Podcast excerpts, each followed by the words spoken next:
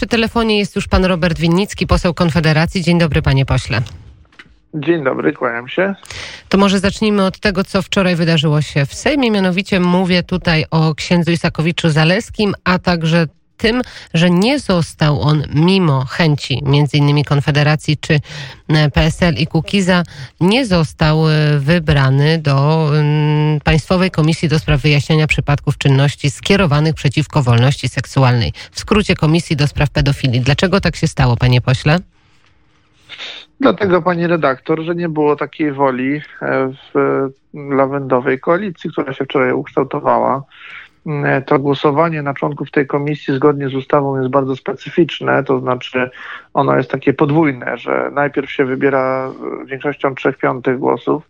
Żaden z kandydatów tych trzech piątych głosów nie uzyskał.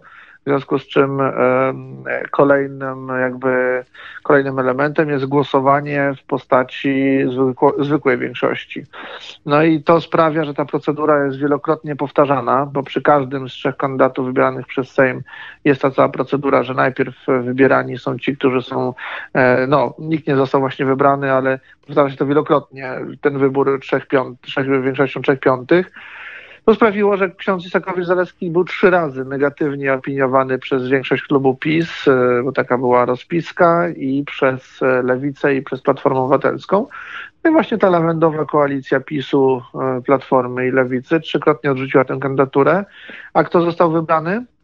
No, wybrane zostały trzy osoby zgłoszone, dwie przez klub PiS i jedna przez prokuraturę krajową, czyli de facto też przez, e, przez PiS, przez Prawo i Sprawiedliwość. Na tym się to skończyło. Nie znam tych trzech osób e, i znaczy jedną trochę kojarzę, jest to pani poseł e, ósmej kadencji, Barbara Chrobak, to przez prokuraturę krajową. Nie do końca wiem, jakie pani Chrobak ma kompetencje, żeby zasiadać w takiej komisji. Wiem, że ksiądz Sakowicz-Zalewski jest osobą, która przez lata walczy o, o prawdę i wyjaśnienie wszelkich skandali na ten temat. Jest osobą naprawdę niezłomną. No ale niestety trzykrotnie odrzucony ksiądz Sakowicz-Zalewski i wyłącznie nominaci partyjni tutaj Prawa i Sprawiedliwości. No i... Jakie no pan, panie, panie pośle, łączy w takim razie Mm, nadzieję z działaniem tej komisji?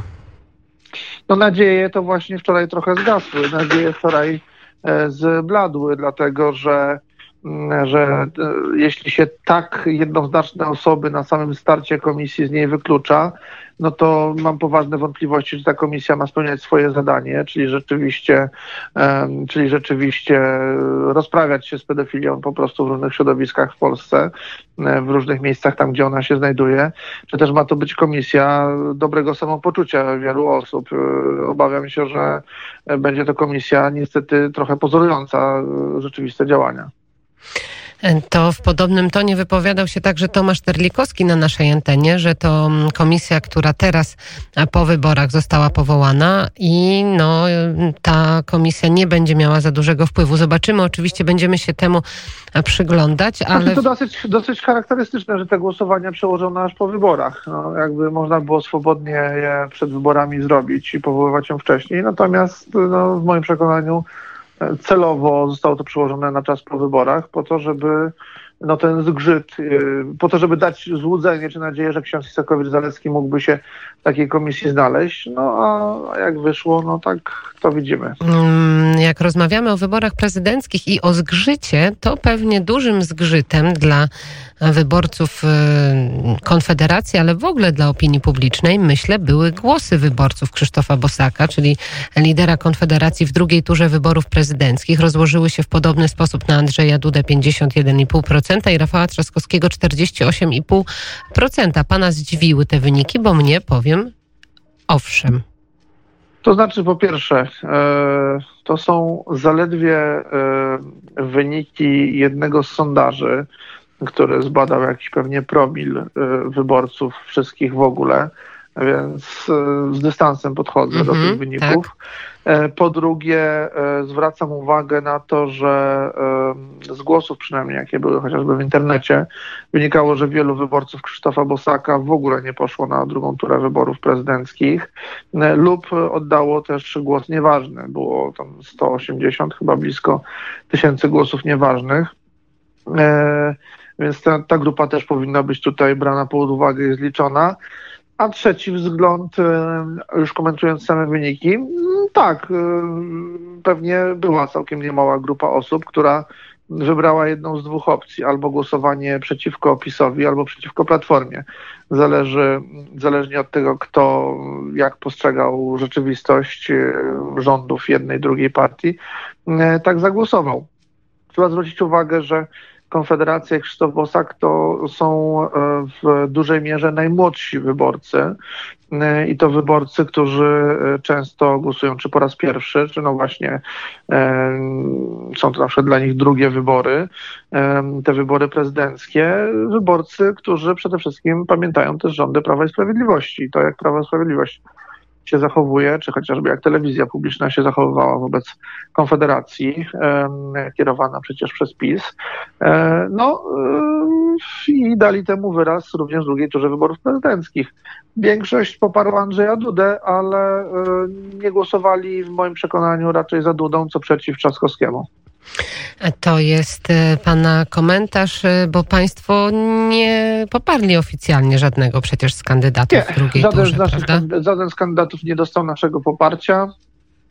Pan prezydent Duda obiecywał koalicję polskich spraw, e, żebyś rozmawiał z nami. Mówił też o PSL-u przed drugą turą wyborów. No ta koalicja polskich spraw właśnie zobaczyliśmy, jak wygląda trzy dni po wyborach kiedy ostentacyjnie trzykrotnie e, wyrzucono do kosza kandydaturę księdza Isakowicza Zaleskiego do Komisji Pedofilskiej. Państwo no się spotykali, czy Państwo się spotykali z prezydentem Andrzejem Dudą pomiędzy pierwszą a drugą turą wyborów? Czy były jakieś rozmowy? Nie, nie, nie, nie było żadnych takich spotkań ani rozmów. Tutaj e, stawiamy trzy kropki. Druga sprawa też bardzo ważna, której Państwo kibicują, o której Państwo bardzo dużo mówią. Otóż ambasador Stanów Zjednoczonych w Polsce, pani Georgette Mosbacher, doczekała się tego, że chcą ją Państwo wysłać do domu, że jest persona non no grata no, tak. w naszym kraju. Co przelało czarę goryczy?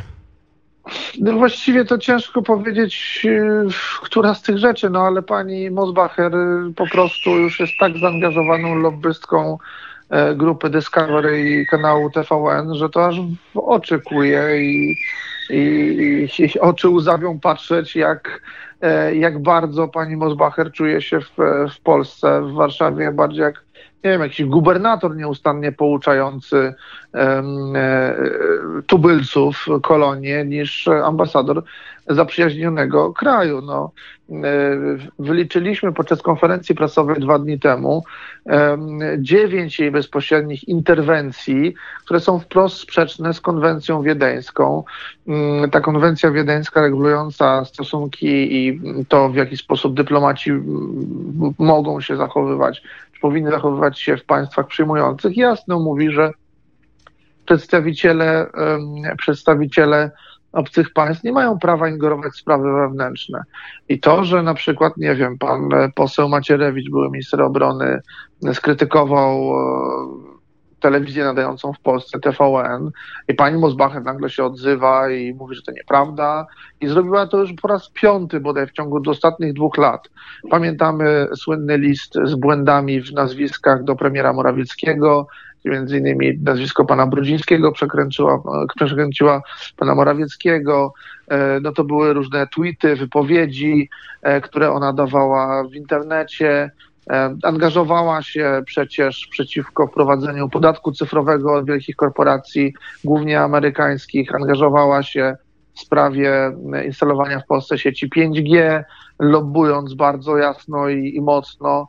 E, ja sobie zdaję sprawę, że placówki dyplomatyczne różnych państw prowadzą takie działania. No, to jest też ich jakiś obowiązek, żeby lobować swoimi interesami.